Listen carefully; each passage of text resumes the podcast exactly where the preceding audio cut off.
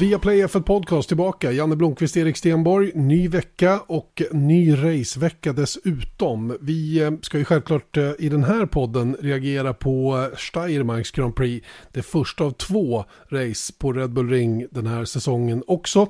Eh, instoppat ett extra race. Jag vet att det var många som frågade under helgen varför. Men det är ju med anledning av pandemin och andra strukna race som Red Bull Ring kan vara värd för två race. Eh, vi tittar lite grann på just detta då och varför det såg ut som det gjorde och hur det här uppdateringskriget kanske slutar eh, eller har slutat redan för vissa av teamen. Vi pratade påstopp eftersom eh, det kom ett nytt tekniskt direktiv från FIA angående hur snabba de här stoppen ska vara, eller får vara snarare. En ny rysk bana, Rysslands Grand Prix flyttar ifrån eh, Sochi till Sankt Petersburg för säsongen 2023. Vi berättar om en ny person som vi upplever har verkligen förändrat Formel 1-sporten. Vi delar ut tummar upp och ner och allra sist ska ni få träffa Ayla Ågren som kör W-series. Erik, vad säger du om det? Jo men det är kul faktiskt. Hon är ju eh, vår svenska representant i W-series faktiskt. För hennes pappa är från Sverige. Just det. En av två nordbor som kör i serien då. Vi har Emma Kimmelainen också bekant från STCC bland annat. Eller vad det nu hette på den tiden. TTA kanske. Hon har väl kört båda tror jag faktiskt. Hur som helst, Emma Kimmelainen och Ayla Ågren då. Ayla som faktiskt kör under norsk licens då. Eftersom hon har norsk mamma, var det så? Mm. Så svensk är det. Pappa. Norsk mamma, svensk pappa. Och då så sa jag att du har din, din bättre hälft i din pappa. Och då sa hon att det håller inte min mamma med om. Och det tycker jag, men då, hennes mamma är ju fel. Ja, ja, ja, du menar så ja. ja. Dessutom så bor Ayla i USA. Hon har en rätt spännande bakgrund faktiskt kan jag tycka. Vi, hon kan få berätta om det själv så småningom. Eh, eller det kommer hon inte att göra för det pratade vi om efter. Vi pratade om W-series. Jo, hon jobbar alltså som spotter på Indy 500 senast. Eh, mm. För Simona de Silvestro i det här tjejteamet. Eh, som, eh, som var med och körde den här gången. Då. Och, eh, hon, är, hon är väldigt inne i det här Indycar-köret och, och, och, tycker det skulle vara toppen att få möjlighet att köra där. Och det är väl därför hon är med i den här W-series då för att det kanske kan öka hennes möjligheter att ta nästa kliv. Eh, mer om det i slutet av den här podden. Alltså, först och främst ska vi reagera på Steiermarks Grand Prix, Erik. Eh, ja, vad säger du om det här racet egentligen? Jag skulle säga att det är det första racet under säsongen 2021 som kanske inte når upp till fem på den 10-gradiga skalan i Eriks betygenhet här borta. Oj, inte ens godkänt alltså? Godkänt är 5. Eh, och det här var 4,9 skulle jag säga. Okej, strax under. Ja, nej mm. men eh, det får man väl, eh, man får hålla med om det. Eh, vi som följer sporten så pass nära kan ju faktiskt se de nyanserna. Att det här var ett race där Mercedes faktiskt inte hade en chans på Red Bull. Faktiskt. Eller hur? Så måste man se på det. Där Max Verstappen kontrollerade racet från start. Och den farten som Mercedes kunde erbjuda ifrån Lewis Hamilton och Valtteri Bottas delvis. Ja, den räckte helt enkelt inte till. Vad de än försökte. Mm. För Red Bull tycker jag då vann på ett liknande vis som Mercedes vunnit de senaste åren. Man tror att, alltså de senaste åren, så kanske man har tänkt att så här, men Red Bull är nog med den här helgen. Eller Ferrari kanske är med den här helgen. Eller den här säsongen till och med. Det verkar så. Men sen så visar det sig att de faktiskt inte är det. Och det var liksom lite de känslorna som man gick in i i söndagen tycker jag. Att det var så här, jo men kanske så har de någonting, men, men det var ganska tydligt om, om man tog hela helgen sammantaget så att säga, så, så var inte Mercedes där. Man kan ju tycka att eh, Lewis Hamilton pratar ner deras möjligheter och, och är väldigt bäsande så att säga för Mercedes chanser. Då. Men i slutändan så har han ju rätt bra koll. och eh, det visar sig då att han hade rätt den här gången åtminstone. Och eh, ja, det finns helt enkelt inte mer. Och det här tycker jag är lite intressant för det, det, har, eh, det har kastat om saker och ting. Allt det som vi kanske ibland klagade på Red Bull för de åren innan de är med i matchen på riktigt som i år. Så, så var det liksom så här, ja men hur tänkte de där med taktiken och varför gör de så där? Och det, det har ju hela tiden byggt på att de måste ju hitta på något. För de ser ju redan innan racet börjar att de kommer ha väldigt svårt, för att inte säga omöjligt, att kunna göra någonting åt Mercedes. Så därför så måste de hitta på lite alternativa lösningar. Som då naturligtvis allt som oftast inte funkar men kan fungera någon enstaka gång. Mercedes håller på att hamna i det läget själva. Eh, vi har ju hörde ju Anthony Davidson berätta för Björn Wirdheim på plats i Österrike då om allt de hade gjort i Frankrike. Eh, där de alltså inte gick på sina simuleringar utan lyssnade på förarna istället. Det slutade med en enda ringdans där de började på ett ställe och slutade på samma ställe för att ha tagit en massa vägar runt omkring. Det, det pratas om wacky way of setting up the car den här helgen i Österrike. Eh, jag såg att Mark Hughes menade att de hade kört med en barn door till bakvinge, en jättebakvinge för att skydda bakdäcken som de är oroliga över annars. Eh, vilket gjorde då att de, de, är för långsamma rakt fram och vi hörde ju i sändningen då att Peter Bonington säger då att ja vi tappar två och en halv tiondel i, på raksträckorna mot Red Bull. Som genererar Det har de ju tjatat om sen, sen Baku. Liksom. Exakt. Att de tappar exakt, på rakerna. Ja, och, och det hänger nog ihop med det som, som eh, också Mark Hughes eh, skrev om då efter Frankrikes GP. Att den där bilen som Red Bull har nu med den motoreffekt de har gör att de kan köra en downforce-nivå eh, generellt för bilen så att säga som, som är lite högre för de har en motor som kan dra den genom luften ändå. Men för att inte tappa för mycket och att bilen är så hög i bak som den är så kan de trimma av bakvingen en aning och då får de de där extra kilometerna i timmen rakt fram. Vilket gör att Mercedes hela tiden tappar på raksträckorna. Och, och, är ju faktiskt inte heller bättre i kurvorna så som deras bil fungerar i år. Och det här, eh, det här tror jag är ett fundamentalt problem som Mercedes har. Så därför så tror jag inte jag att det spelar någon större roll att Toto Wolf nu säger att ja men nu lägger vi ner 2021 och siktar på 2022. För att de kan inte uppdatera sig i kapp Red Bull längre. Utan de har till i år gjort en bil som, som faktiskt inte räcker till. Och det får de bara konstatera. Sen så kommer de inte att sluta eh, komma med nya prylar, eller vad tror du? Nej, men det är lite intressant ändå. Det, kom ju, det, det skrevs ju om det, och, eller berättades om det under helgen, att det kom liksom busslaster med delar från Milton Keynes. Då medans då Toto Wolf, som du sa, då indikerade att de redan lämnat årets bil. Eh, alltså sett till utvecklingen. Att de nu mer fokuserar bara på 2022. Vilket inte Christian Horner tror på, såklart då. Men, och då tänker jag att det är ändå på sin plats då att liksom nyansera den bilden lite grann av vad det här betyder att avsluta utvecklingen på årets bil.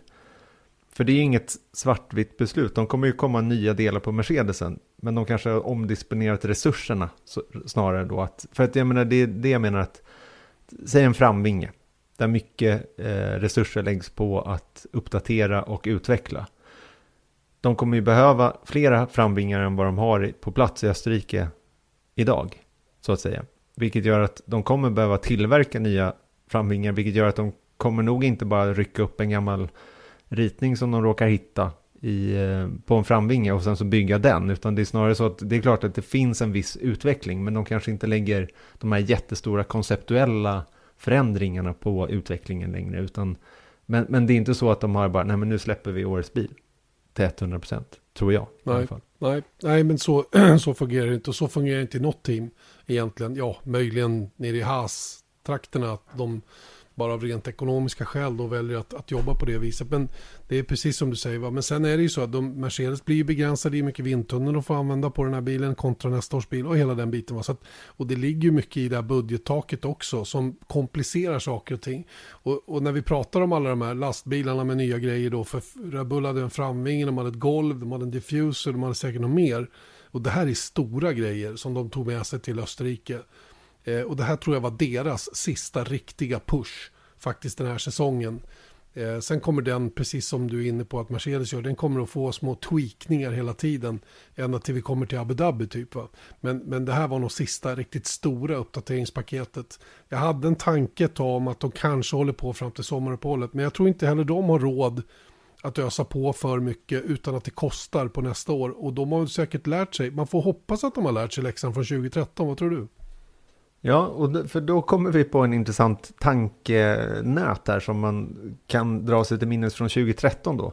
Och det här var ju då året innan som Mercedes då klev in i det här nya turbohybridreglementet och då kan man konstatera att då Mercedes var förvisso då tvåa i konstruktörs-VM 2013. Sex poäng före Ferrari som var på tredje plats. Men de var samtidigt då hela 236 poäng bakom Red Bull det året i konstruktörs-VM. Och det är väl lite det som man kan tänka sig då att Red Bull kanske ska akta sig för att skicka allt för de här, för många busslaster till banorna framöver då. För att de vet ju hur, uppenbarligen så la de ju för lite tid på 2014-reglementet och framåt. För de var ju långt efter när Visst. de klev in i det. Lite brasklapp där bara.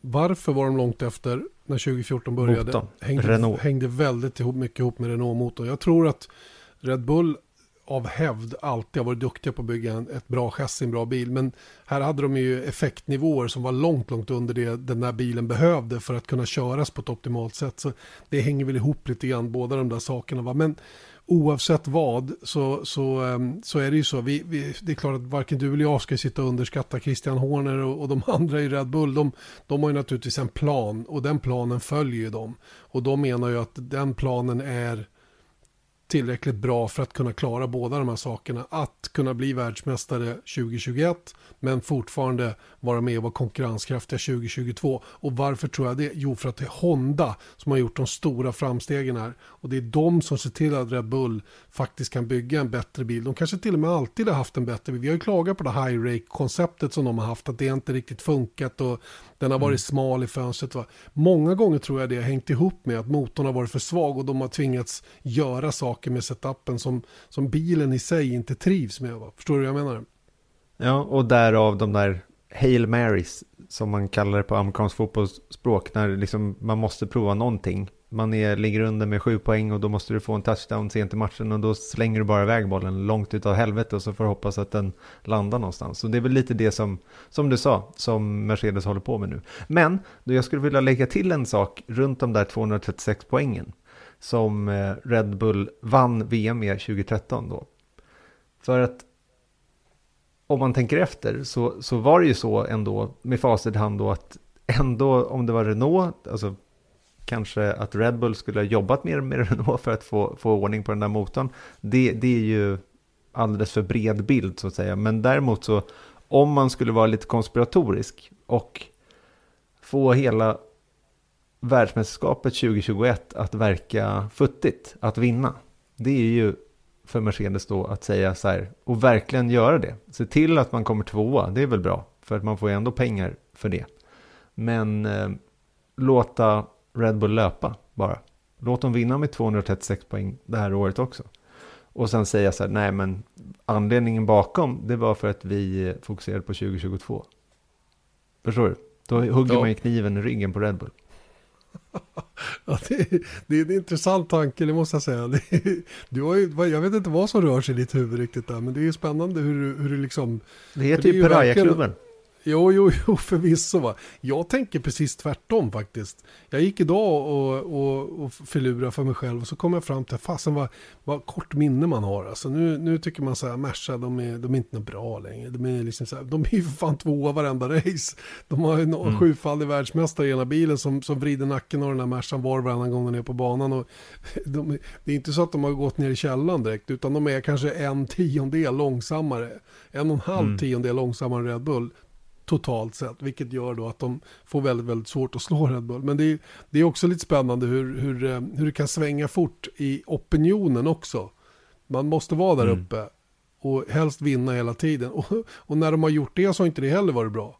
Så jag vet inte, nu sa ju Toto till oss i, i sändningen att han tycker det är skönt att inte vara de som jagas, utan han tycker det är skönare att jaga, vilket jag i och för sig betvivlar att han tycker med tanke på hur det ser ut. Men han har ju sagt att vi har gått med en, en, en tavla på ryggen, måltavla på ryggen i, i, i sju år nu.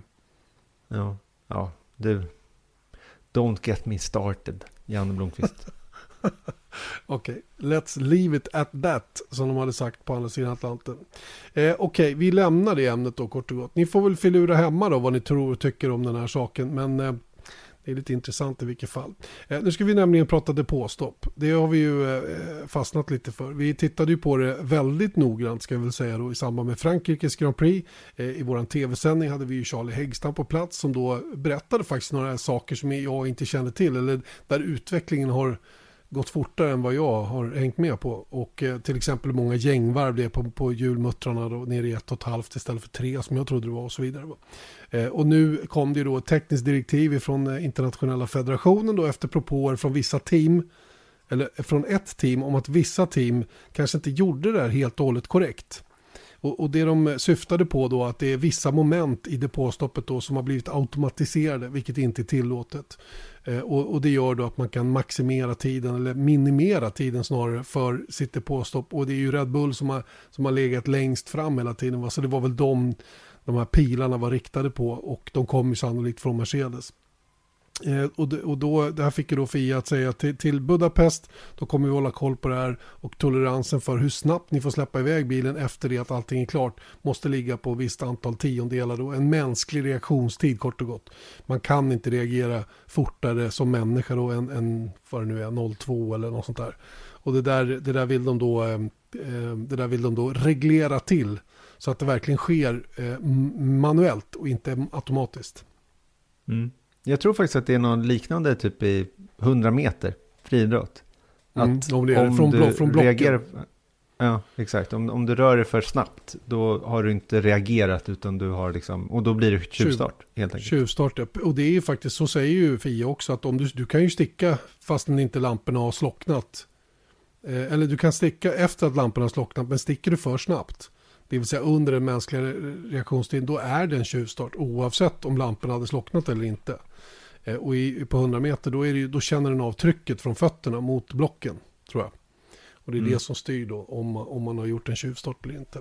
Hur som helst, eh, vad pratar vi om här Erik egentligen? Det är ju helt sjuka tider och det är sjukt små marginaler. Vad, håller det på att gå överstyr hela grejen här? Eh, är det det man försöker få stopp på eller är det liksom, är det här eh, bakåtharvande av värsta sort? Nej, men jag tänker, framförallt om man tänker på liksom anledningarna bakom, så, är, så finns det väl antagligen fler, många. Och det är väl säkerheten som har liksom tagits upp. Men jag tänker ju också att det finns väl en viss logik i att det finns flera anledningar bakom, en, en, en, snarare än bara säkerhet. Och det är väl till exempel då en kostnadsfråga. Det finns väl också den här grejen att, att eh, om det nu är så att man inte får eh, ha någon form av automatik i depåstoppen och det visar sig att någon gör det, då måste man ju göra någonting åt det, för då bryter man ju faktiskt mot en regel, även om den är liksom grey area. Så att det är väl de tre grejerna som jag känner att här, säkert är säkerheten en stor del av den, men jag tror att eh, det finns säkert, eh, ja, som sagt, en hel del underliggande grejer där. Men då har jag funderat på det här lite under dagen och då tänker jag så här att för det, som du var inne på så har det kommit en hel del kritik runt det här att så här, men fan, nu ska man reglera det också och då får man inte göra, då får man inte ha fri utveckling på det här och det blir tråkigt och så, man ska alltid hålla sig tillbaka. Och jag tror att det är en ganska liksom, naturlig reaktion på hur man tänker sig att Formel 1 ska fungera, att det ska vara liksom fritt och man ska bara få göra vad man vill och det är coolt att att Eh, det går så jäkla fort. Eh, vi tittade på det i detalj då i den där sändningen som du berättade om. 1,82 sekunder Red Bull i Brasilien eh, 2019 då. Men om man tänker på det lite, liksom, om man lyfter blicken lite, då kan man undra, vad är ett depåstopp under två sekunder? Vad bidrar det med? Utöver att det är sinnessjukt coolt att, de, att det går att göra, att byta fyra hjul på två, under två sekunder. Vad bidrar det med till racingen till exempel? Inte så himla mycket om jag ska vara riktigt ärlig. Eh, det är en, eh, ja, nej, väldigt lite, kort och gott. Ja, att för att det är bara, det går pam, säger det, och sen så sticker de iväg. Och man kan hänföra sig av det, men jag skulle vilja hävda att det är en visst antal gånger man kan bli helt hänförd av det. Sen så blir det så här, ja, ja, det, det vad det är. Men om man tittar på vad depåstoppen gör så är det att bidra till racingen. Och då tycker inte jag att de där två sekunderna gör speciellt mycket. Utan däremot om man skulle titta på och reglera depåstopp så skulle jag inte vilja sätta en så här en minimitid på tre sekunder till exempel. Det tycker jag är så här, då går man för långt för då är det helt plötsligt så här, ja men då kommer alla ligga på tre sekunder. Och då, då spelar det ingen roll, det, det är ingen så, så här spänningsmoment. Och så får vi bestraffningar för de som har gjort det på 2,9 och så kommer folk att sura över det. Ja, det, det, är bara a can of worms skulle jag säga. Mm. Men däremot så skulle man ju gärna liksom förlänga depåstoppen, tycker jag. För att om man tar som ett exempel då, att eh, ett 10% långsammare stopp idag betyder på två sekunder. Det betyder att man gör ett depåstopp på 2,2 sekunder.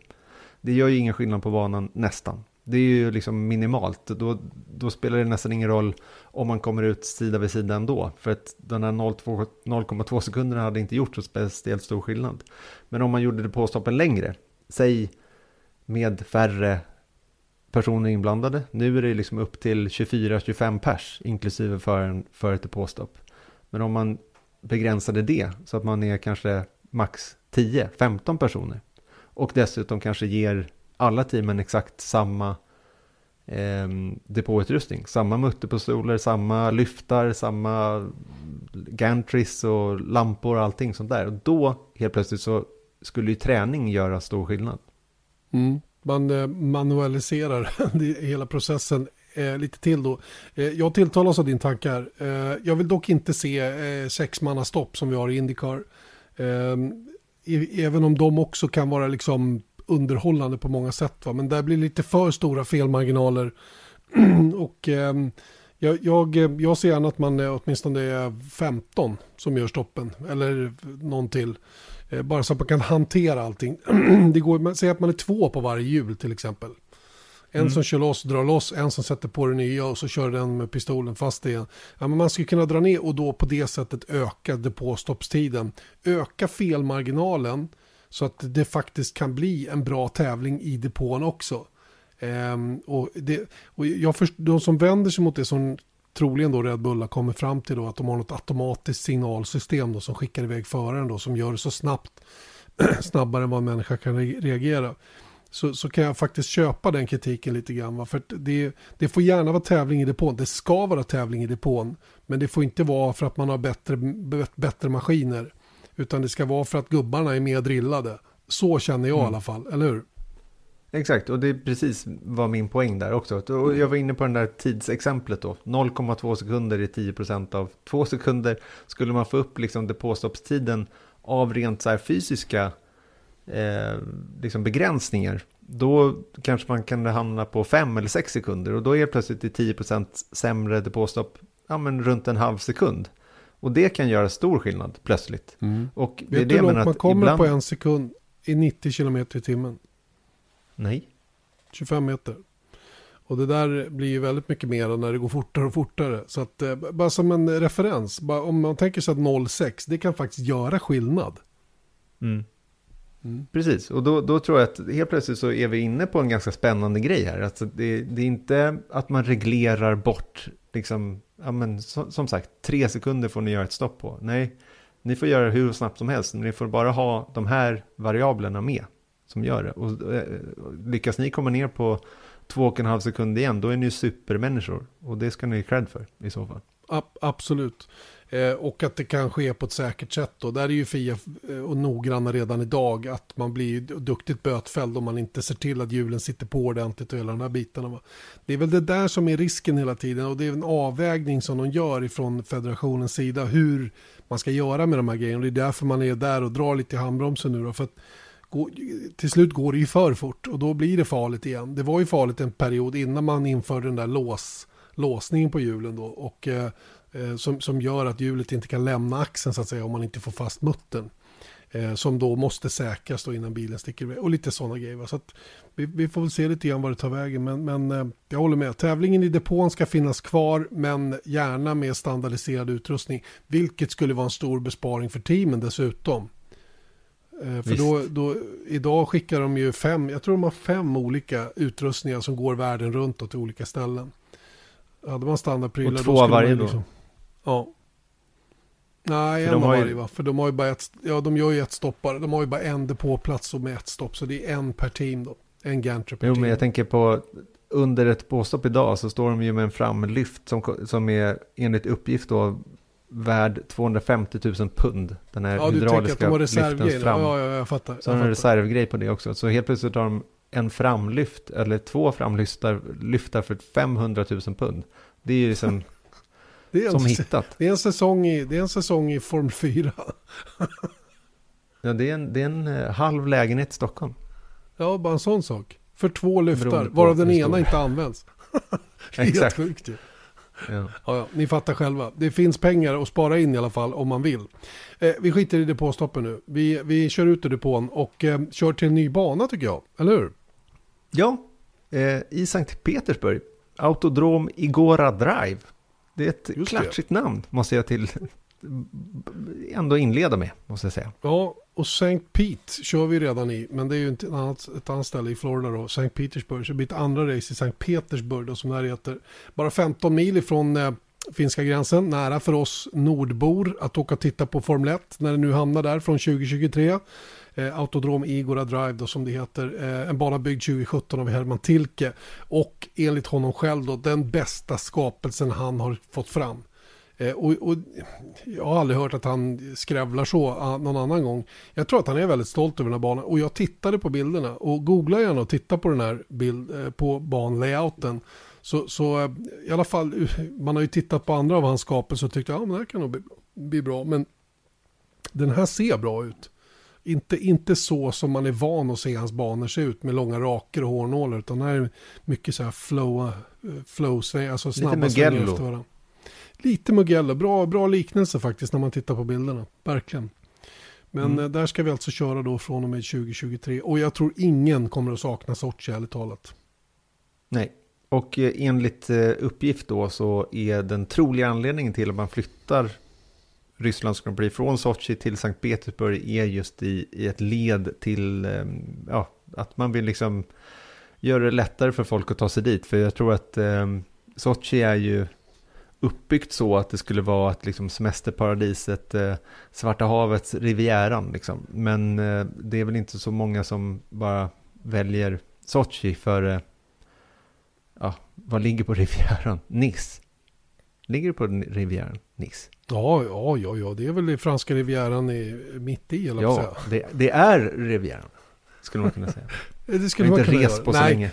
Nej men Sochi är ju ett förbannat tråkigt ställe. Det är ju en artificiell plats som inte fanns för eh, tio år sedan. Och jag menar, det, det, det har aldrig varit någon charm och jag har hört att de som äger stället, eh, området, den här Olympiaparken då som vi hade 2014, eh, de vill göra annat på det här banområdet. Så det, det är mycket därför också som det nu flyttar till Igora Drive då. Och jag tror att alla är väldigt, väldigt nöjda med den här flytten. Inte minst Herman Tilke då som får en ny bana då som de kommer att köra på. Och ehm, jag tror att det kan bli bra där. Jag, känner, jag känner det. Jag tänker ge det benefit of the doubt. Mm. Vi får se 2023, så det är en ganska lång betänketid fram tills dess. Men eh, jag tror också det. Men du, nu skulle jag vilja höra på en ny krönika om en person som på något sätt har förändrat Formel 1.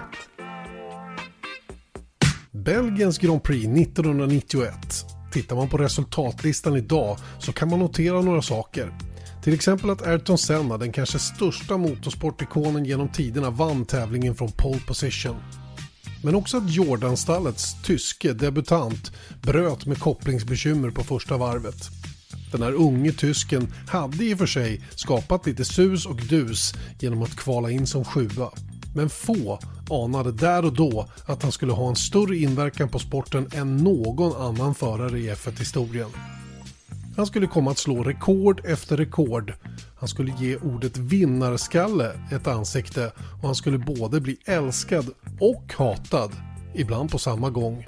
Hur det nu går till. Vad hette han då? Jo, Michael Schumacher såklart. Som Formel 1-förare så var Michael Schumacher så mångfacetterad att det är svårt att ge hela bilden av vem han var. För samtidigt som han var snabb som vinden, oftast snabbare, så kom det med en sorts eh, baksida. Han kunde vara lika hänsynslös som han var snabb. Hans 19 säsonger långa Formel 1-karriär går inte att sammanfatta på några minuter. Det vore rent ohedligt att ens försöka. Men ska man lyfta fram någon punkt där Formel 1 var annorlunda innan Schumacher och efter så är ordet professionalism det som ligger närmast till hans. Han tog nämligen yrket Formel 1-förare upp till en ny nivå. Alla stall i Formel 1 har tusentals anställda för att designa, bygga och tävla med två bilar varje racehelg. Man måste ställa upp med två bilar, det står så i reglementet. Men när Michael Schumacher körde för Benetton och Ferrari så ställde de egentligen bara upp med en bil, Schumachers. Missförstå mig rätt här. En Johnny Herbert, en Eddie Irvine eller en Rubens Barrichello må ha suttit i en bil likadan som hans. Någonstans där på griden. Och den där Herbert, Irvine eller Barrichello må ha siktat på VM-titlarna de också. Men i verkligheten var de på sin höjd där för att backa upp Schumacher. Allt fokus låg på honom. För det var det Michael Schumacher krävde. Det finns hur många fina historier som helst berättade av de som känner honom. Att han var en hjärtlig person som kom ihåg sina mekanikers barns födelsedagar. Men samtidigt finns ännu fler historier om honom som berättar något annat. Han var noggrannare än någon annan, han ställde högre krav både på material och på de som jobbade med honom än någon annan förare. Och han var i alla lägen 110% förberedd. Ta fysiken som ett litet men talande exempel. På 90-talet så var fysisk träning redan en del av en F1-förares vardag. Men ingen tog till extremer. Att vara lite trött i slutet av ett race var helt okej. Okay. Alla andra var ju lika trötta de också. Men Michael Schumacher tog till extremer. När de andra hoppade ur bilen efter ett tufft race i 30 grader värme med overallerna genomdränkta av svett och lila ansikten så stod en dag Schumacher där. Kanske med lite rufsigare hår men i övrigt till synes helt opåverkad. En vältränad maskin hade satt sig bakom ratten på en Formel 1-bil. Och de andra förarna blev ju tvungna att följa hans ledning för att kunna hänga med. Och inte bara sett till träning utan hur man jobbade inom ett Formel 1-stall. Michael Schumachers maskinlika professionalism hade effekt. Han vann 91 race, 7 VM-titlar, han tog 66 pole positions och hade 77 gånger snabbaste varv. Han skrev helt enkelt om historieböckerna. Vissa av de här rekorden, kanske alla, kommer att falla förr eller senare. Många innehas redan utav Lewis Hamilton. Bilar är allt mer tillförlitliga. Förare debuterar i F1 i yngre ålder och säsongerna innehåller nu fler tävlingar än någonsin. Men kommer någon förare att förändra Formel 1 lika mycket som Michael Schumacher gjorde? Antagligen inte. Keep fighting, Michael.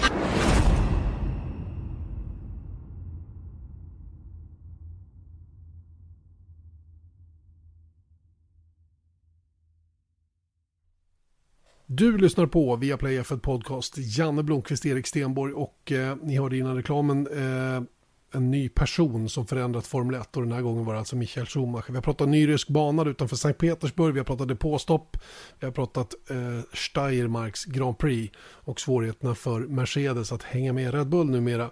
Högt tid att dela ut lite tummar upp och ner, håller du inte med? Jo, och eh, den här veckan är det helt och hållet Janne Blomqvist som har valt ut tummarna. Och då kan jag tycka att det är kul att introducera någon som, jag vet knappt om han har fått en tumme varken upp eller ner. Han har varit så ignorerad i den här eh, podcasten tidigare, men det är i alla fall Lance Stroll som får en tumme uppåt. Det får han faktiskt den här gången. En mycket välförtjänt tumme och den är för, för liksom idogt arbete. För det var faktiskt inte bara i söndags som han gjorde ett bra jobb. Han har gjort ett bra jobb flera helger i rad. Nu gick det som det gick i kvalet till Frankrike. Men från den startpositionen upp till en tionde plats i mål tyckte jag var oerhört bra gjort. Och han följde upp det med ett aggressivt första varv där han eh, tryckte sig förbi Fernando Alonso det är liksom, eh, efter det så orkade han hålla farten uppe och han gjorde ett solitt jobb. Alltså helt klart. Och, och um, han är starkast i det där teamet för närvarande. Trots att det är Fette som har den där femte och andra platsen så tycker jag Stroll är jämnare utav dem. Eh, rent generellt. Jag vet inte hur du ser på honom. Men, men han känns som att hans, hans nivå pendlar inte så mycket som Fettels gör. Nej, han Ja, det är ju de där, det är ju topparna och dalarna och det är väl det som eh, Vettel har stått för ändå. Han har ju tagit eh, tre åttonde platser den här säsongen. Det är inte så dumt, det är inget så här heller som man bara liksom trillar av stolen kanske. Men som man gjorde faktiskt när Vettel tog den i Baku. Men, men det är just den där grejen att om man tittar på en säsong som är 23 race lång och han börjar ta åttonde platser för jämnan, då kan han ju bara sticka förbi Vettel där, faktiskt. Exakt, så att, äh, jag tycker att han gjorde det bra och äh, det tyckte han själv också. Han var rätt nöjd efter målgång. Yeah, it was uh, a good first lap. Uh, overtook Fernando uh, around the outside and uh, that really set us up for a good rest of the race. And then from there, it was just maximum attack, and uh, yeah, happy to pick up uh, some points for the team today. Do you reckon that's roughly where you are at the moment in terms of pecking order wise? Yeah, the Ferraris seem a bit too quick today, so um, they had really good pace. So I don't think we could have got much more out of it today. Lance Stroll där alltså som eh, höll med om att det var det där första varvet, omkörningen av Alonso och eh, att de dessutom ligger där strax bakom Ferrari. De, de är inte före Ferrari de är definitivt inte före McLaren, men just nu då kanske tredje team ihop med Alfa Tauri möjligen eh, om den positionen då. Eh, I alla fall var de det i söndags i, i Österrike då under Steiermarks Grand Prix. Eh, Lance Stroll var detta alltså. fort, fort, Fortsatt en lustigkurre? Den där. Han är, han är ju gladlynt och, och ja, liksom eh, skön. Jag, jag, kan inte, jag kan inte med karln på det viset. Jag har så svårt för den där attityden han har. Som är så märkligt avog. Han måste ju vara osäker att det är därför han är sådär. Jag, det, jag, kan inte, jag vägrar tro att han är en elak person eller bara en sån här stöddig figur. Det tror jag inte. Vet du, vad, vet du nu vad en dementor är? En dementor? Dementor? Nej. Har du, du har inte läst Harry Potter? Nej, verkligen inte. Nej. Nej. Jag liknade honom med en dementor för några år sedan och eh, jag får fortfarande höra det ibland så jag återupprepar. Alltså. Dementor är någon slags fångvaktare i eh, Harry Potter och som liksom suger själen ur din mun. Okej, ja, ja, det, det, är säkert Länstroll. Det låter väldigt rimligt. ja. Nåja, Ska vi gå mera vidare? tummar. Mera tummar. Ja, uppåt till Lando Norris, trots att han bara kom femma, Janne. Ja, det är skandal att bara bli femma, men det verkar ju vara hans favoritresultat den här säsongen, att bli femma då. Var, han har absolut flest femteplatser och det är inte så himla konstigt. För det är nämligen fyra väldigt starka bilar som är framför. Det är två Mercedes och två Red Bull. Så en femteplats är faktiskt det som en McLaren på pappret ska kunna klara. Och eh, att han har varit bättre än det vid några tillfällen är ju bara ett extra bevis på hur bra han är just nu, Lennon Norris. Och han fortsätter att leverera fantastiska resultat och en jämnhet som är osedvanligt bra. Eh, tyvärr så går det inte fullt lika bra för, för Daniel Ricciardo och den här helgen var inget undantag. Det var ett mysterium var farten fanns under kvalet. Eh, efter en bra fredag för en gångs skull så blev det sämre på lördagen och sen i racet då så fick han något eh, ERS-problem som jag tror i alla fall som gjorde att han, eh, allt det fina jobbet han gjorde på första varvet det bara försvann rätt ner i toaletten.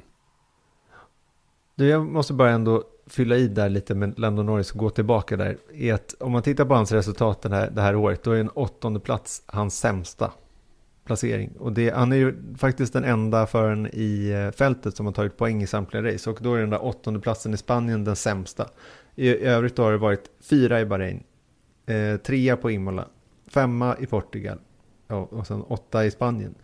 Eh, trea i Mon Monaco. Monaco. Är det. Jag, jag tänkte så här, Montreal, jag har inte varit i Montreal. Eh, femma i Azerbajdzjan, femma i Frankrike och femma nu i Steiermark. Det är ju liksom... Snack, alltså han är ju fortsatt alltså, ja men det är verkligen fenomenalt. Han är liksom den som står ut i årets mästerskap tycker jag. Desto tuffare då för en sån som Daniel Ricciardo då som gick in i det där teamet som, som den stora stjärnan som han skulle bli då. Som Lennon Norris skulle få följa och, och lära sig av och hela den grejen. Precis tvärtom då. Vi, vi kan ju lyssna till, till Ricciardo själv då efter racet i söndags då där, eh, ja, det, det, det blev inte bra, tyvärr. Yeah, it was, it was as simple as that. We went from 13th to 8th, put ourselves in a, in a really good position, got out of a lot of the mess and uh, on a medium as well. So I think we were, everything was looking up. Uh, and then uh, I lost power. I lost power for for half a lap, and we were able to resolve it on on the on the steering wheel. And I guess it was a control issue, but everyone I passed, basically I waved back by, and it was uh, then then you're in you're in the train, you're in the mess, and everything just turns turns upside down from there. So uh, yeah, it was we were ahead of signs on the same strategy, and I think we could have easily stayed stayed there today. So it could have been fifth and sixth again uh, for the team, and yeah, should be a much different result. So just when it's out of your control like that, and it's uh, it hurts. It's disheartening. You know, you obviously put yourself in a good position, but this is what it is. We'll move on next week. We get to go again, and uh, yeah, see what happens. Tuff, tuff situation såklart. Eh, Daniel Ricciardo då som, eh, ja, det, det, det, är många som tycker att han kommer lite lätt undan för att han inte levererar eh, resultatmässigt och att han inte får lika mycket skit som andra som är två år i sina team då och inte hänger med fart. Han blir ju slaktad faktiskt bitvis. Mm. Eh, framförallt kvalmässigt och, eller ja, kval, men, men bitvis så får han ordentligt med stryk i alla fall utav en, eh, en väldigt, väldigt snabb Lennon Norris. Och, och, eh, det där stör ju naturligtvis. Och du var ju inne på det väldigt, väldigt tidigt om det här kan bli ett, ett karriärhotande läge så att säga. Tror du det fortfarande? Mm. Ja, men jag, jag, tror inte jag ens menade då att det skulle vara karriärhotande för honom, men däremot så axeln går ju ner. Jag, menar, jag vet inte, i löneligan så ligger han väl topp fem i alla fall och Norris är långt under det. Så att då blir det liksom lite konstigt att, eh, ja, liksom att, att förtjäna den där lönen. Och det, det är då jag menar att han har alltid setts då som den här kanske den bästa föraren som inte vunnit VM eller varit i, i, i positionen att göra det. Liksom. Och eh, helt plötsligt så, jag menar, det är ju läbbigt med Formel 1 att, att eh, det går ju fort innan man glömmer. Och blir man krossad av Lando Norris, ja men då helt plötsligt så är det ju Lando Norris som sitter på de där aktierna istället. Så att eh, jag, jag, tror liksom hans väg uppåt, om man tittar i nästa liksom, kontraktcykel, nu ska Lando Norris vara kvar i, i McLaren ett långt tag framöver. Så att, men, men ändå, liksom, att, om det är någon som sitter i pole position för att ta över en styrning i, i Mercedes eller Ferrari eller i, i Red Bull, då är det ju inte Ricardo längre, så att säga. In, inte nu längre, nej. Och eh, nej, det är en lite tuff situation faktiskt, där han eh, förr eller senare måste börja rycka upp sig då, för att teamet har ju tålamod med honom just nu. De supportar honom väldigt noga och de har ju gjort en långsiktig satsning på Daniel Ricciardo som, som de inte tänker vika ifrån än så länge i alla fall. Men ju, ju sämre det går och ju större lön du har, ju lättare har ju team att hitta anledningar att bli av med dig. Va? Och sannolikt finns ju en prestationsklausul i kontraktet också. Eh, om det skulle gå så långt, vilket jag i och för sig har svårt att tro. Eh, men, eh, men eh, även om han är en glad och trevlig person och, och någonstans i grunden är väldigt, väldigt snabb så måste han göra resultat. Det är därför han är där. Och klarar han inte det så, så blir det problem. Och, eh, om vi ska komma in lite grann på vad hans problematik är så är det ju, eh, Rickard Rudell var inne på det lite i våra sändning i, i, i söndags, eh, det här problemet han har att rotera bilen. Eh, och det handlar om att han ser ju på datan hur fort Lennon Norris åker in i sväng. Eh, när han försöker åka lika fort som Lennon Norris in i sväng så räcker inte banan till i utgången. Han har alltså inte lyckats vända runt bilen lika effektivt som Lennon Norris gör. Som kan vara aggressivare under inbromsning. Och, och Rickard pratade ju väldigt mycket om det här med, med eh, overlay då, där man bromsar och gasar samtidigt och rattutslag och alltihopa det där. Den här, det här samspelet som krävs då för att få runt bilen på ett effektivt sätt och göra det då innan banan tar slut så att säga. Och i och med att Ricardo inte klarar det, då måste han ta ner, han får ju alltså ta ner farten genom svängen mycket mer än vad Lando Norris gör. Och det är det som är det stora problemet då, både enligt honom själv och enligt Andreas Seidel. Det är lägsta farten som är för låg just nu eh, genom svängen då jämfört med Lando Norris. Och du vet, är det så i varje kurva, då, då blir det rätt mycket i slutändan. Eh, även på ett sånt här kort varv som vi hade i Österrike. Där ska man inte vara sju tiondelar bakom sin teamkamrat. Det skiljer knappt sju tiondelar genom hela startfältet, eller på säga, det gör det ju. Men, men säg topp 15 kan ju lätt vara inom sju tiondelar. Och, och därför så blir det här ett stort problem för dem nu. Och han måste på något sätt hitta rätt i, det här, i den här djungeln. Eh, och, och, även om man är erfaren så är det ju uppenbart att bara ändra körstil i en handvändning är fasen inte lätt alltså. Nej, och det är där jag skulle komma in på att på ett sätt så kan man ju se det som att men det är också teamen, teamets ansvar på något sätt att hjälpa Ricardo rätt. Så att det liksom... Want flexibility? Take yoga. Want flexibility with your health insurance? Check out United Healthcare Insurance Plans. Underwritten by Golden Rule Insurance Company, they offer flexible, budget-friendly medical, dental and vision coverage that may be right for you. More at uh1.com. Han gör ju allt han kan såklart, men då, då måste ju också teamet ge honom en bil som funkar för honom. Problemet med allt det här är ju när det funkar jättebra för en annan förare. Då är det helt plötsligt, lite likt som Sergio Perez sa i vår intervju med honom i Monaco, var ju att, nej men, det, det har jag liksom haft som hävd de senaste åren med Red Bull då, att men det är ju synd om de här förarna för de måste ju liksom bli hjälpta rätt. Medan Perez själv sa så här, nej, nej, nej, nej, det där har ingenting med saken att göra, det är jag som måste, som måste lära mig att köra den här bilen. Det är allt det här handlar om. Så att eh, det är ju problematiskt för Ricardo om man känner så här, men jag kan inte göra det här. Och det är lite, lite, lite likt här med alla de här som man avfärdar så lätt, liksom att med Fettel till exempel i Ferrari så hade han det jobbigt och sådär. och sen så helt plötsligt så ser det i alla fall bättre ut i Aston Martin så att säga. I varje fall när han kom tvåa och femma. Men jag, jag tror verkligen att man kan hamna fel i en Formel 1-bil. För man, man får liksom inte glömma bort i Formel 1, de här marginalerna vi pratar om, liksom 0,7 sekunder, det är, jätt, det är oceaner av tid. Men om man liksom försöker trycka 0,7 sekunder på en stoppklocka, det är, det är knappt så att det går. Och det, är de marginalerna vi pratar om. Pytte, pytte, pytte, pytte små grejer som man måste göra. Mm. Och eh, om inte det kommer naturligt så, så då är det lite eh, läbbigt alltså. Och det är därför man i många fall söker långa samarbeten teamförare. Det är därför vi ser en, har man, hittar man någon, jag menar Mercedes är väl ett jättebra exempel på det då med Lewis Hamilton då, som har varit där i, i snart tio år. Eh, och, och liksom bara får fortsätta och fortsätta och, och i med, ju längre han är i teamet så får han saker och ting mer och mer som han vill ha det. Långa samarbeten, det är det det handlar om. Att hoppa från ett team till ett annat. Den som faktiskt har löst det väldigt bra på slutet och bättre än Daniel Ricciardo som hade motsvarande problem tror jag lite grann i inledningen hos Renault, även om man kom till rätta med det på slutet. Så Carlos Sainz har ju kört fler bilar än någon annan de senaste åren och gjort det på ett väldigt, väldigt bra sätt. Men, men se på Ferrari hur de signar kontrakten med Leclerc ända fram till 2024 när han kom in där. Eh, man förlänger länge nu med Esteban och Con. Man vet att det är tid i bilen som krävs. Va? Det går inte. Det, det är därför man känner så här, sparka Pierre Gasly efter sex månader. What's the point? Mm. Liksom, på vilka premisser kom man då in när det, när det blir sådana grejer? Alex Albon fick ju visserligen lite mer tid, va? men inte tillräckligt mycket tid för att, för att hitta rätt. Va? Då har man liksom inte erkänt svårigheterna med att köra den där bilen. Jag menar, Max har ju varit där länge nu och är oerhört hemma i gården och får ju förmodligen sin vilja fram om det någon gång är fråga till föraren om hur han vill ha bilen. Mm. Ja men alltså, så, återigen så, så tror jag liksom att Sebastian Vettel, när han vinner fyra raka VM-titlar, då kunde han köra den bilen jättebra. Mark Webber mm. kunde inte köra den bilen lika bra som honom.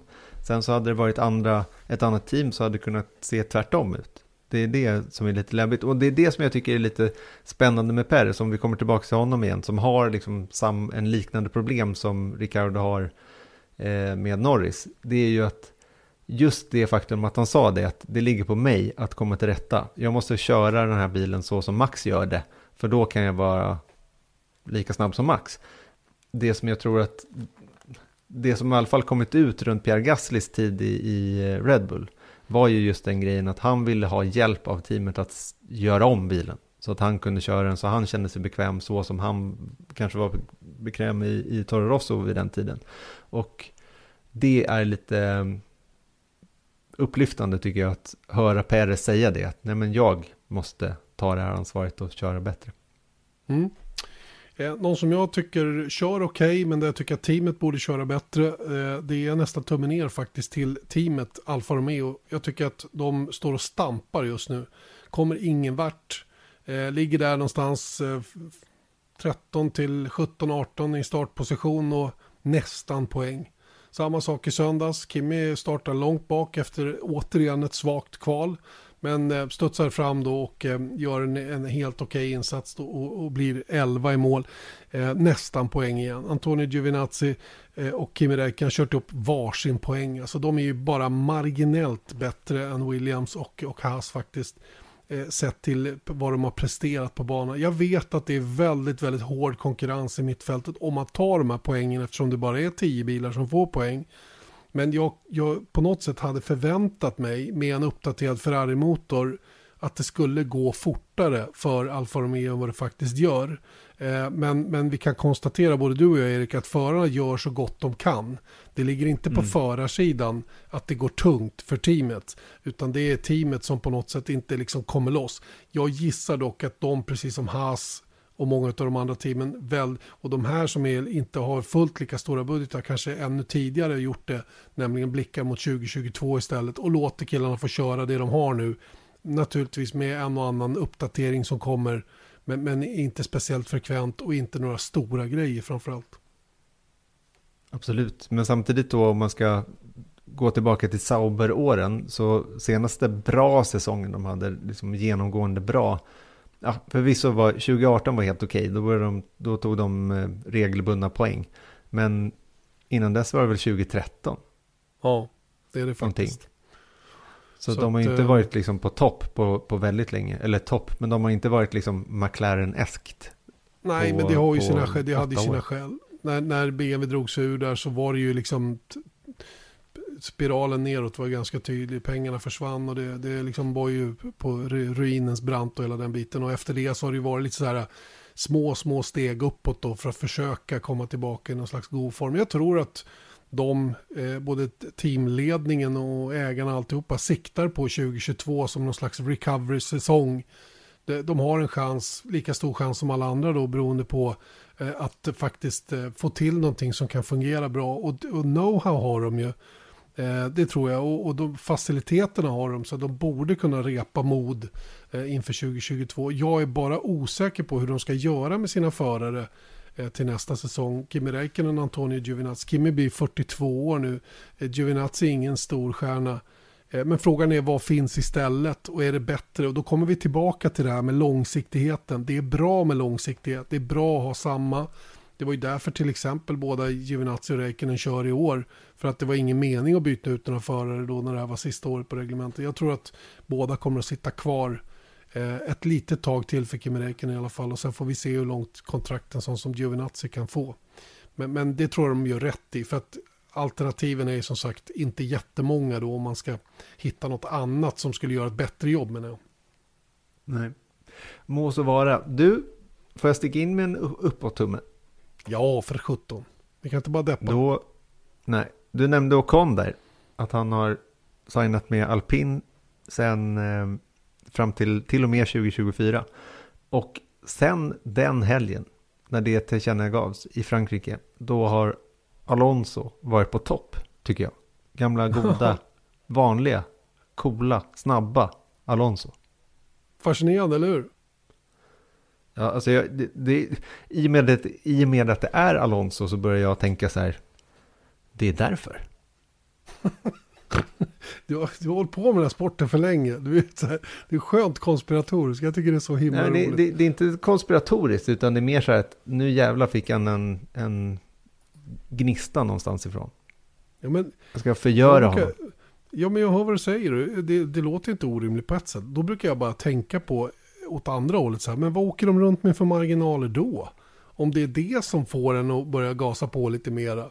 Att, att din, din teamkamrat får ett långtidskontrakt då. Nu sitter väl inte Alonso i skön kontraktsmässigt heller. Men på något sätt så kan det ju vara så att han, han nu är det dags att börja visa vad jag går för här. Nu när lillpojken har fått långkontrakt där så ska jag gasa ifrån honom. Mm. Ja, men jag, jag tror, alltså jag ska säga att det här är verkligen en killgissning, men jag, jag, tror ändå att Alonso funkar lite på det sättet. Att han på något sätt ska... Jag tror att han är, inte, nu höll jag på att säga ångestdriven, men jag tror att han är driven av att krossa folk på något sätt.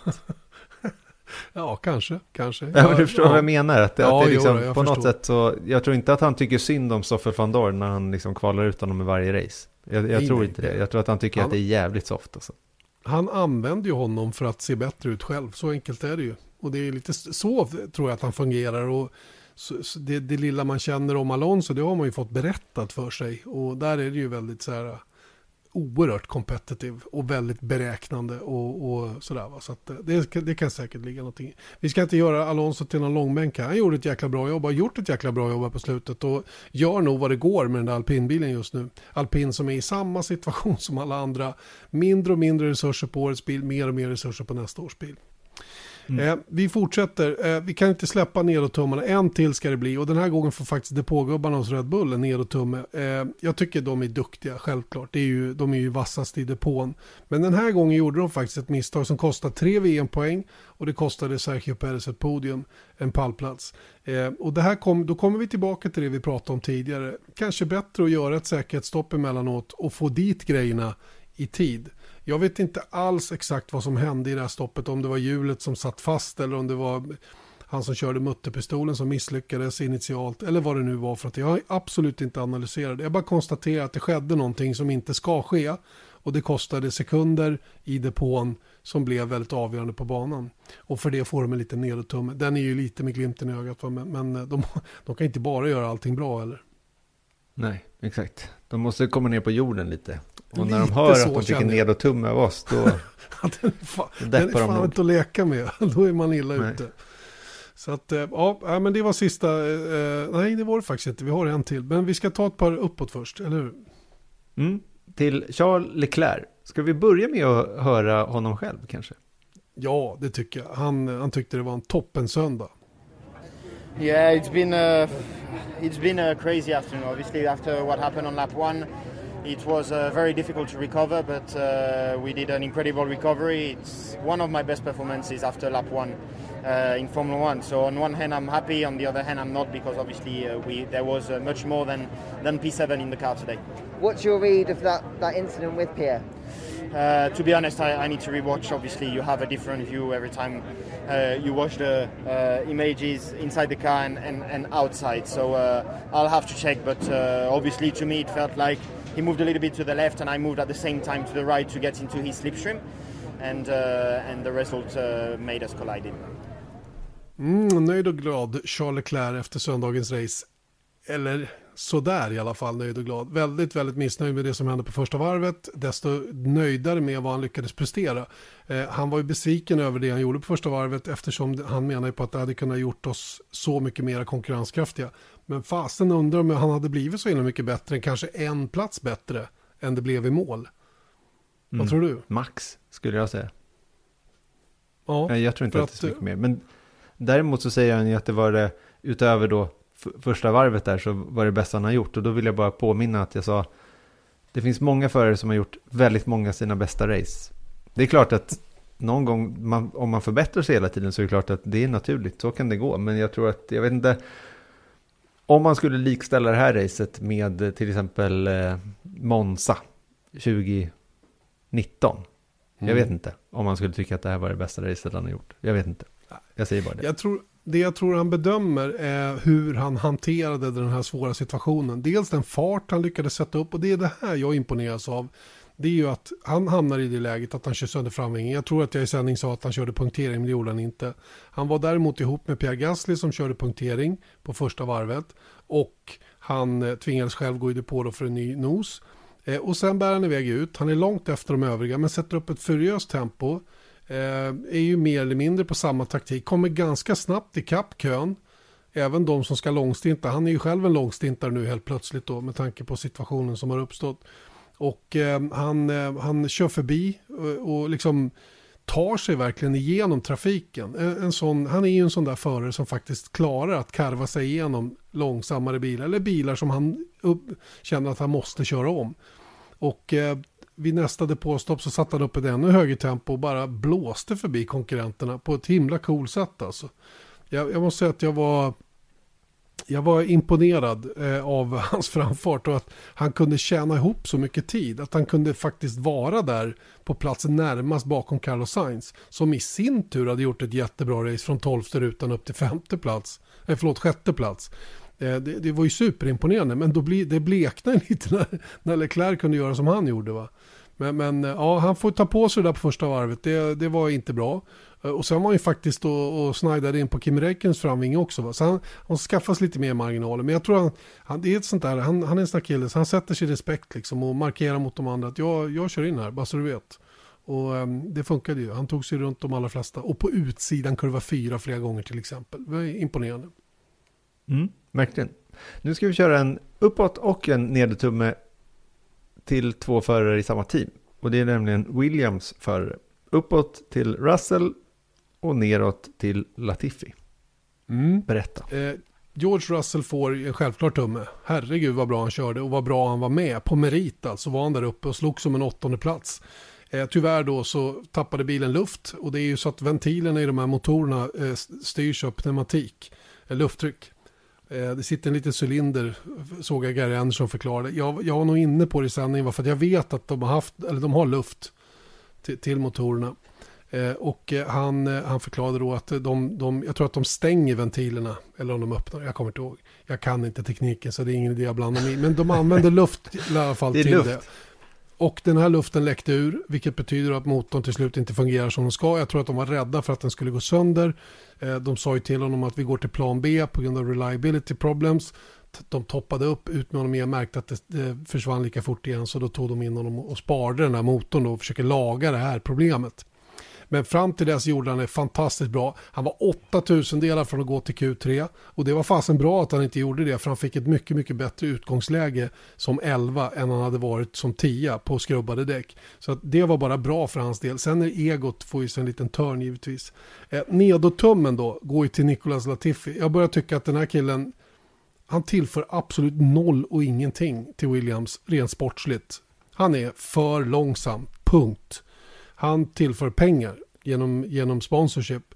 Men han tillför inte Williams någonting egentligen. Va? Och eh, han är en supertrevlig, raka motsatsen till hans landsman Lance Stroll. I det avseendet väldigt verbal och, och god bra på alla sätt. Eh, och var bra i F2 va, men i Formel 1 han räcker inte till. Han blir ju avklädd verkligen varje helg utav George Russell. Jag trodde ett tag att han var på väg att liksom ma- ma- matcha Russell på något sätt va, men nej, verkligen inte. Han får en dundertumme den här gången. Han är, han är för långsam, punkt. Jag, jag vill bara liksom lägga till där att jag tycker det är lite spännande ändå sett till så här, vad personligheter gör. Om man kollar på Nikita Mazepin eller Lance Stroll.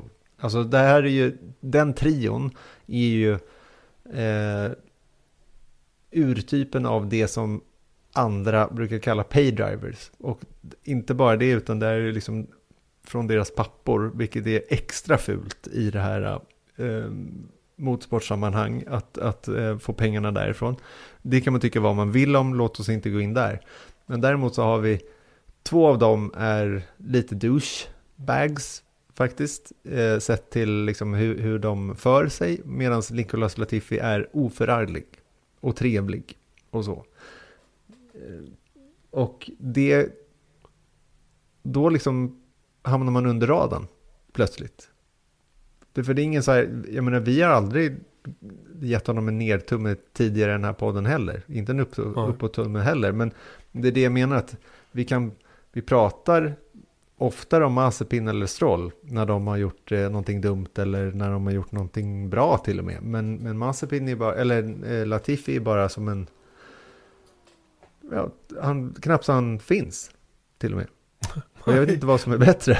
Nej, inte jag heller. Jag, jag tror han själv börjar känna att det är inte så roligt där längre. Och liksom situationen i teamet är ju tydlig. Vem det är liksom som driver saker och ting. Och han blir ju ett, ett, det ett, blir ett stort hål för Williams att fylla. Men nu börjar ju eh, nya teamchefen som jag glömde namnet på nu. Just Capito. Han, jo, han börjar ju liksom att prata i termer av att nu när Russell drar så har vi försöker ha en plan B. För, för han är medveten om att det här är på gång att hända och det är, det är ingen som liksom gör någon hemlighet av det om att Russell kommer att lämna Williams snart. jag ska inte vara lika så här tydlig med vad jag tror och tycker om det där eh, den här gången. Va? Men, men eh, det, han, det, han är uppenbart på väg och han förtjänar någonting bättre än att köra i Williams. Eh, sen får vi lite se vem som kommer dit istället då. Där har vi också haft lite teori. Vi behöver inte gå in på dem nu. Va? Men frågan är hur det blir med en sån som Latifi. Va? Om de måste behålla honom på grund av sponsorship för att han bidrar då så pass som han gör. Eh, men, men om man inte ger någonting i övrigt. Va? Inga placeringar, poäng, ingenting. Liksom. Det är, jag vet inte. Jag, jag ser ingen riktig framtid där tillsammans mellan dem. Nej, nej men det är väl, det är väl, han äger väl inte pappa Latifi äger väl inte delar av Williams, eller gör han det? jag tror att han är... Ja, ja, ja, osäker. Han, är ju, han ligger bakom det Sofina då, som är en stor sponsor på bilen och puttar in bra med pengar. Han har ju dessutom köpt in sig i McLaren Automotive då i deras gatbilsdivision, eller i McLaren totalt sett med en hiskelig massa pengar. Och han är ju mm. naturligtvis välbärgad. Va? Så att utan, utan pappans eh, deg så hade ju inte Latifi varit i Formel 1 överhuvudtaget. Va? Sen, sen eh, in i Formel 1 tar man sig på bästa möjliga sätt. Och har man möjlighet att göra det som han har gjort det, ja, fine. Men då känner jag, då måste du också börja göra lite resultat nu. Och det duger liksom inte att få stryk så pass mycket av Russell som det blir nu. Helg efter helg. Eh, det var våra tummar upp och ner. Nu ska vi eh, alldeles strax eh, lyssna till en ung dam som eh, kommer från vårt nordiska grannland som kör i W-series. Denna nya, eller nya, den två år gamla nu, eh, serien då för enbart kvinnliga förare. Och eh, Ayla Ågren då är ju eh, en av två nordbor som faktiskt tävlar i det här mästerskapet. Ayla som är norsk, svensk, amerikansk kan vi nästan säga, eller hur Erik? Mm, kan man säga. Ehm, och eh, den andra nord, nordbon då är ju Emma Kimmelinen, då, finskan som också tävlar i W-series. Och ehm, man är lite nyfiken på det här mästerskapet. Eh, Jag är det i alla fall. Den här första helgen blev det en tionde plats för Ayla som eh, hade problem redan innan start, nämligen kopplingen som pajade på, på väg fram till griden som visste redan när hon ställde sig där och skulle ge sig iväg att hon kommer inte komma iväg med de andra.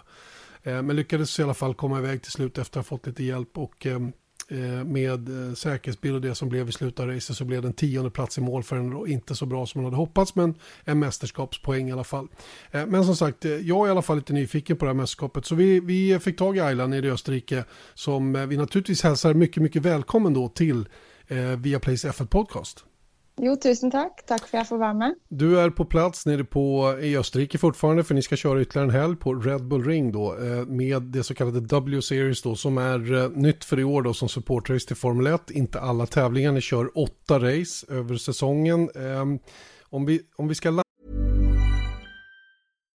Subtle results, still you, but with fewer lines. Botox Cosmetic, out of botulinum toxin A, is a prescription medicine used to temporarily make moderate to severe frown lines, crow's feet, and forehead lines look better in adults. Effects of Botox Cosmetic may spread hours to weeks after injection, causing serious symptoms. Alert your doctor right away as difficulty swallowing, speaking, breathing, eye problems, or muscle weakness may be a sign of a life threatening condition. Patients with these conditions before injection are at highest risk. Don't receive Botox Cosmetic if you have a skin infection. Side effects may include allergic reactions, injection site pain, headache, eyebrow and eyelid drooping, and eyelid swelling. Allergic reactions can include rash, welts, asthma symptoms, and dizziness. Tell your doctor about medical history, muscle or nerve conditions, including ALS or Lou Gehrig's disease, myasthenia gravis, or Lambert Eaton syndrome, and medications, including botulinum toxins, as these may increase the risk of serious side effects. For full safety information, visit BotoxCosmetic.com or call 877 351 0300. See for yourself at BotoxCosmetic.com.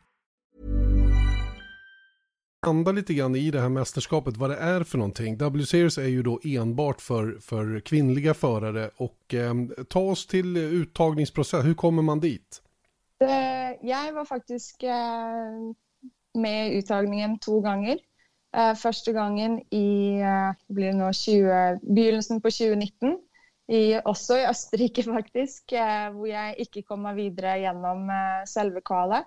Så i augusti 2019 så fick jag en telefon från Dave Ryan som är en, en av de som är med på uttagningsprocessen. För han sa Ayla, nu har jag väntat i sex, sju månader på att få lov att ringa dig igen. För jag, jag vill väldigt gärna att eh, du ska få chansen på att pröva igen. Det har, eh, uh, det har plagat mig nu de sista, sista månaderna på att inte ha dig med. Så om du har lust så har vi väldigt lust att du ska kommer på uttagningsprocessen i Almeria i, i Spanien.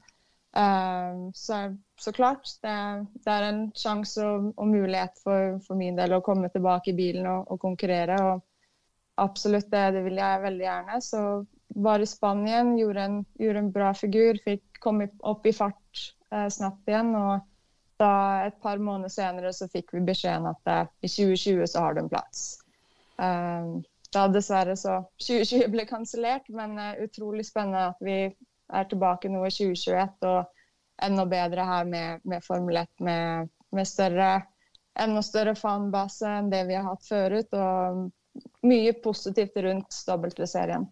Eh, vad krävs av er förare då för att få köra? Vad, behöver du komma med någonting? Eh, jag har förstått att konceptet handlar om att den som kanske inte är så väl bemedlad ekonomiskt ändå ska få en chans att köra.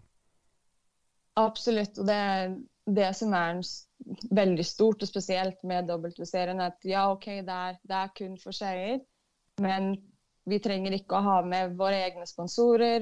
Uh, mesteparten av, av resor och uppehåll är, är, är dekt, så vi kan kun fokusera på, på körning och, och utveckla vår egen prestation hela vägen. Så det i sig själv är bara helt mindboggling eh, för mig. Det är en, en chans som du är i en i miljon. Eh, och eh, bilarna ni kör ska vara likvärdiga. Det är exakt samma material, ett Tatus-chassi då som är eh, homologerat eh, F3 enligt Fias F3-reglemente. Ehm, och eh, det gör ju också då att ni får samma förutsättningar om jag förstått det, om jag förstått det rätt då att, att det, är, det är ett antal ingenjörer då som tar hand om alla bilarna, är det så? Det, det är helt korrekt. Det är, det är samma team som eh, drifter alla bilarna. Eh, de gör allt de kan för att bilarna ska vara så, så lika som möjligt. Vi har eh, ett sätt med olika eh, uppsätt vi kan, kan göra ändringar på, men det är fortsatt väldigt snävert jämfört med, med helt öppna serier. Så det är kun, kun förare som du, som du tränger att fokusera på. Där, eh, genom säsongen så kommer de till att byta eh, motorer till topp tre med random från, från bakre rader. Uh, och det är för att hålla, hålla serien så jämn som möjligt. Om det är en som kanske har något bättre gearbox, motor, den biten, så vill du mest sannolikt genom säsongen ha, ha något som är bättre, något som är sämre. Men genom säsongen så vill det vara en jämn uh, fördelning. Då. Um, och allt av, av ingenjörer är, är eh, uh, Noen ganger så får du en, en annen, så uh, neste race kan du få en annan. Det är lite eh, uh, litt opp til serien i sig själv vad, de, vad som passar för dem. Um, W-Series har ju hyllats av en del, eh, fått en del kritik av andra, eh, inte minst andra ja. kvinnliga förare. Det är inte självklart att det ska vara en segregerad serie som, som ni ska köra i. vad tycker du om det här konceptet som man har tagit fram? Det, jag ska vara helt ärlig och säga att de första gångerna samtalen kom upp så jag var inte den som, som ropte högst eller var mest positiv. Det, det var jag absolut inte. Jag, jag har alltid tyckt det varit kul och aldrig sett något stort problem med att konkurrera mot, uh, mot gutter och jenter. Uh, men ju mer och mer jag snackat med serien och, och hörde vad, vad deras plan och deras förutsättningar var för varför de ville, ville göra det på den måten så gav det mer och mer mening, mening för mig. Vi, vi ser att det är många tjejer i karting, går upp lite i typ Formel Ford, kanske Formel Renault, men så stoppar det väldigt fort efter det, eh, som oftast. Eh, och detta är en möjlighet där man kan få mer erfarenhet, göra pro progression innanför luckade ramar för att när möjligheten kommer till att konkurrera mot, mot alla, att det, du är klar och redo för att göra en bra figur. Um, och så var, fick jag, jag fick ett sms från en kompis som mig, Stephen Wilson Uh, han, är, han er väldigt, väldigt lång. Han er vel nästan två meter. Uh, som kör, kjører Indycar. Og uh, eh, fick ett meddelande från han at Ayla, hade de gjort en serie för uh, väldigt långa killar så hade jag aldrig tänkt få sekunder på att tacka ja. Så inte tenk på det. Kör, lär så mycket som möjligt och, og ta de sjansene du, du får. for man får inte väldigt många i motorsport. Og det, han kunde inte sagt det, sagt det något bättre. Du, du var ju inne på det själv att det är lite mindboggling som du sa då att man, man faktiskt kan få köra racerbil utan att behöva betala för det och det är ju lite det som är grejen här. Och, och eh, just med tanke på att det är så få tjejer då i förhållande till hur många killar som kör så kanske det är det här som behövs. Eh, men du kan ändå förstå de som har varit kritiska mot det då. Men, men, men samtidigt om man nu inte har en jättebudget själv att komma med så är ju det här en möjlighet. Och ni tjejer behöver ju kanske också lite hjälp för att det är så himla många fler killar som håller på. Det, nej, absolut, du, du träffar pricken av i en 100 procent där. Att det, är, det är många färre av oss än det där är killar. Det är, procentmässigt så är det bara så det är. Uh, och man får ta all den hjälp man, man kan få. Det, all, alla här har jobbat superhårt med sponsorer och partnere för att komma dit vi är och, och, och få den chansen till att kunna fokusera kun på körning och såklart jobba vidare på sidelinjen med det också. men i denne, detta mästerskapet fokusera kun på körning... det är ingen andra städer du, du får den chansen. Um, och jag vet ju vad serien har för ambition. Den, den vill ju naturligtvis försöka få fram en kvinnlig Formel 1-förare, vilket jag personligen tycker har varit lite eh, konstigt att Formel 1-teamen själva inte har ansträngt sig mer för att uppnå. Nu vet jag att Ferrari har ett kvinnligt förarprogram, en liten separat del där de försöker få, få fram en duktig tjej. Men eh, vad, vad, vad, vad, tänker du dig då? Vad, vad ska det här utmynna i för dig? För min del så min dröm har alltid varit Indycar. Det, så länge jag kunne huske, så har det vært Indycar som har vært drømmen. Men eh, uh, så klart, hadde man fått Formel 1-fangsten, eh, så hadde man aldri sagt nei til det heller. Det er helt klart. Uh, men min, min målsetning og, og ambisjon med, med serien er kan jeg leve fullt og helt av å, vara race, racerfører og ikke, ikke trenge å jobbe på si, så er det en stor checkmark uh, bredvid där man vill vara. Uh, så det, det, är det jag kommer till att fokusera på. Och ta de chanserna man får.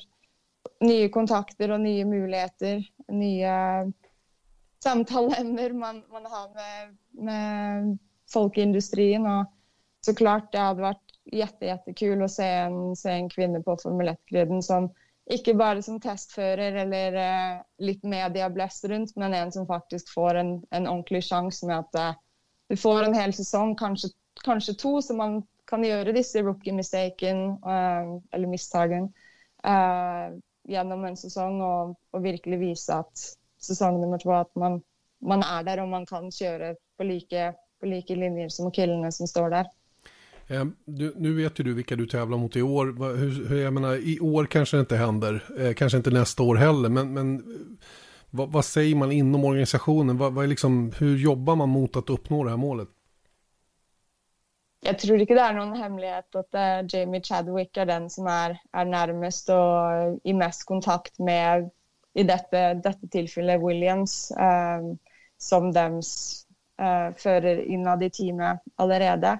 Uh, men alla, alla jobbar väldigt hårt. Det är, det är flera i W-serien. Någon vill köra Le Mans, någon vill till Indycar, någon vill uh, in i, mer in i GT-biten. Så Formel 1-stadiet är, uh, jag tror Jamie är den som är, är närmast till att realisera den drömmen till, av hennes och, och serien. Men uh, jag tror det blir väldigt spännande att se hur många av oss som klarar att, att bringa detta vidare till en, en fulltidsjobb uh, genom de nästa par säsongerna. Det är lite så jag ser på det, att det kanske är mer realistiskt att ni som tävlar i det här mästerskapet har ambitionen att bli professionella racerförare snarare än att sikta mot Formel 1. Formel 1-nålsögat är ju väldigt, väldigt litet trots allt. Va? Och för att hitta någon som är tillräckligt bra, eh, tycker du att Jamie Chadwick är tillräckligt bra för att ta det steget om det nu skulle vara så att de fick möjlighet framöver genom de övriga juniorklasserna? Det är fortfarande ett stort steg det är, det är fortsatt ett väldigt stort steg och, och det vet hon själv också att det är, det är många steg till att komma dit. Uh, gå igenom uh, eh, F2, få ordentlig testing. Sånn som jag ser det, oavsett om det är Formel 1 eller Indycar eller Nascar. Ser så många rookies som kommer in, de har ett ettårskontrakt.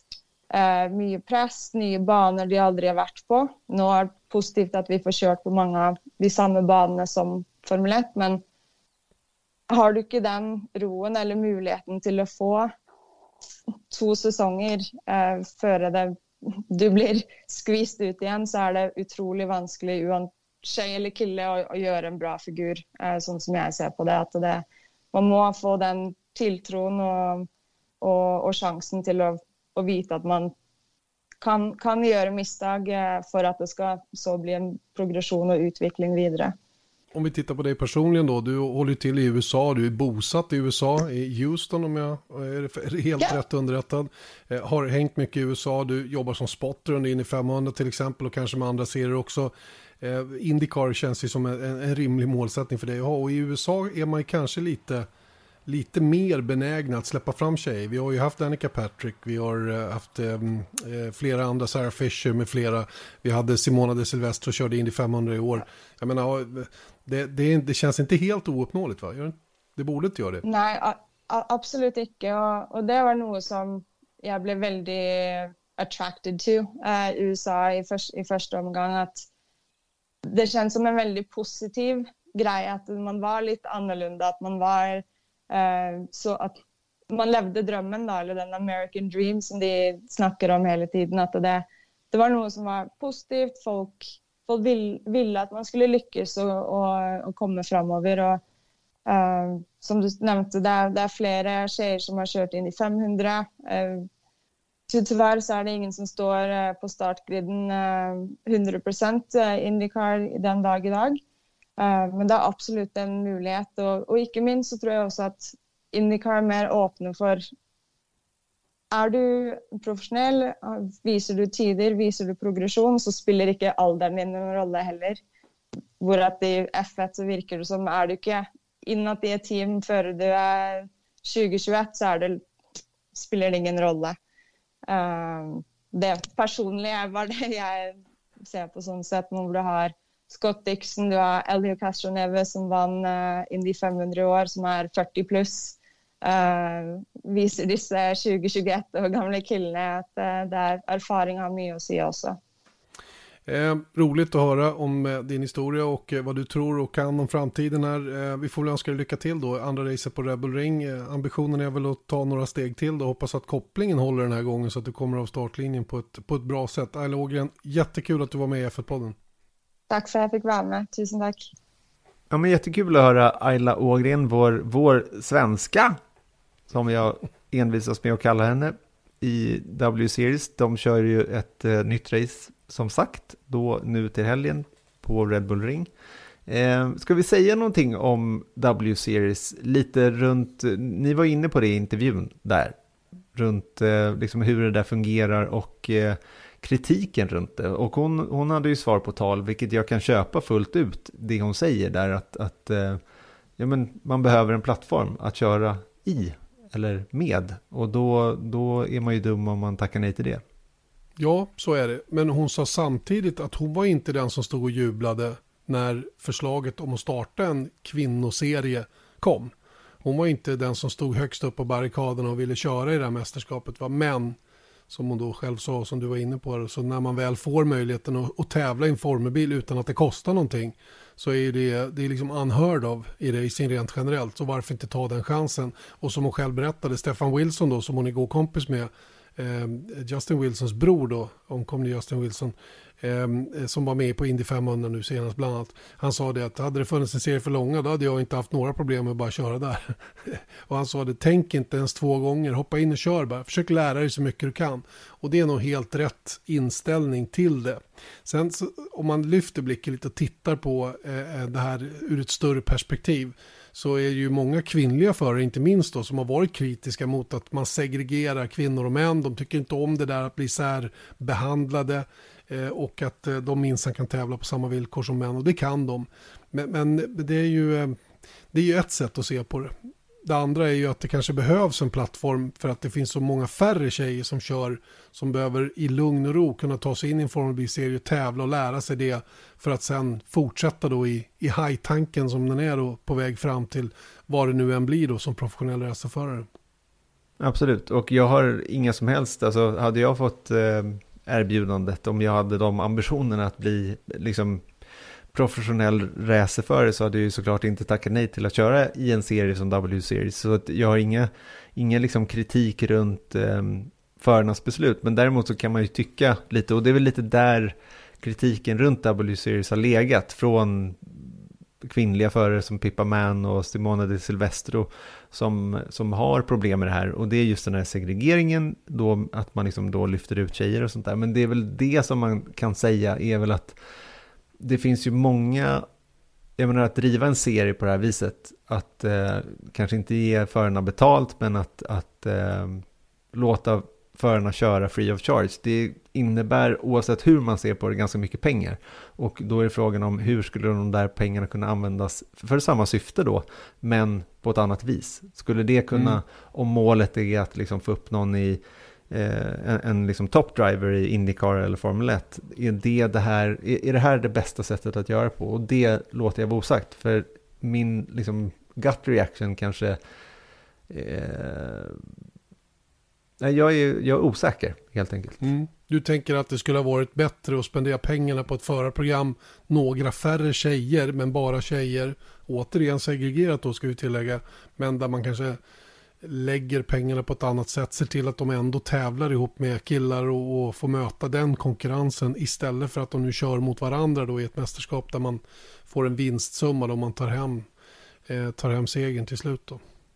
Mm, ja men precis så. Att jag tänker liksom att så här, får man fram en riktigt grym kvinna som kör racerbil mot killar och, och slutar i toppen.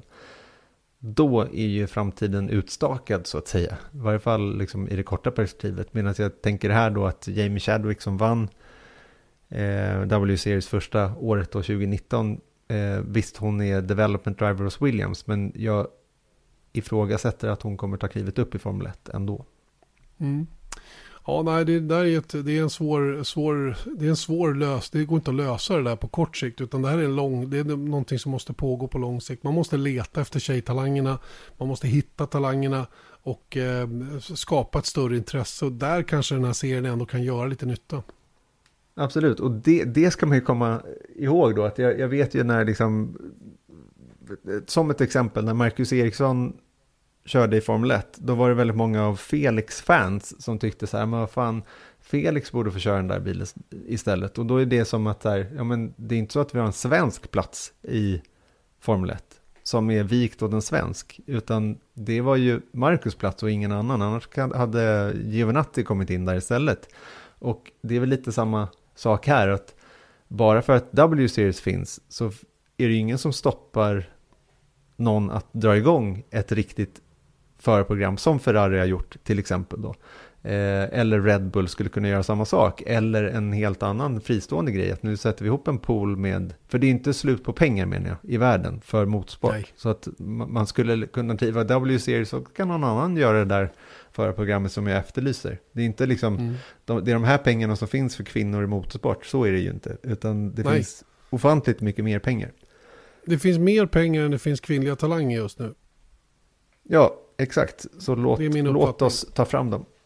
Exakt så. Alright, vi önskar i alla fall Ayla Ågren lycka till då den här andra helgen som också den då körs på Red Bull Ring. Där alltså W-series då hänger med som supportklass under åtta racehelger eh, ihop med Formel 1 då, som är den totala mängden race.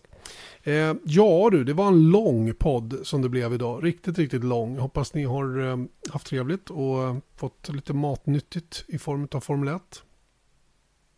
Det hoppas jag också. Och jag måste byta rum att podcasta i för det är så sjukt varmt här inne. Så, jag har en underbar utsikt över mina gröna fält där och fönstret är på vid gavel och det fläktar härligt. Så att jag klagar inte. Jag kan inte ha öppna fönster, det är det som är hela problemet. Åker bussar här förbi.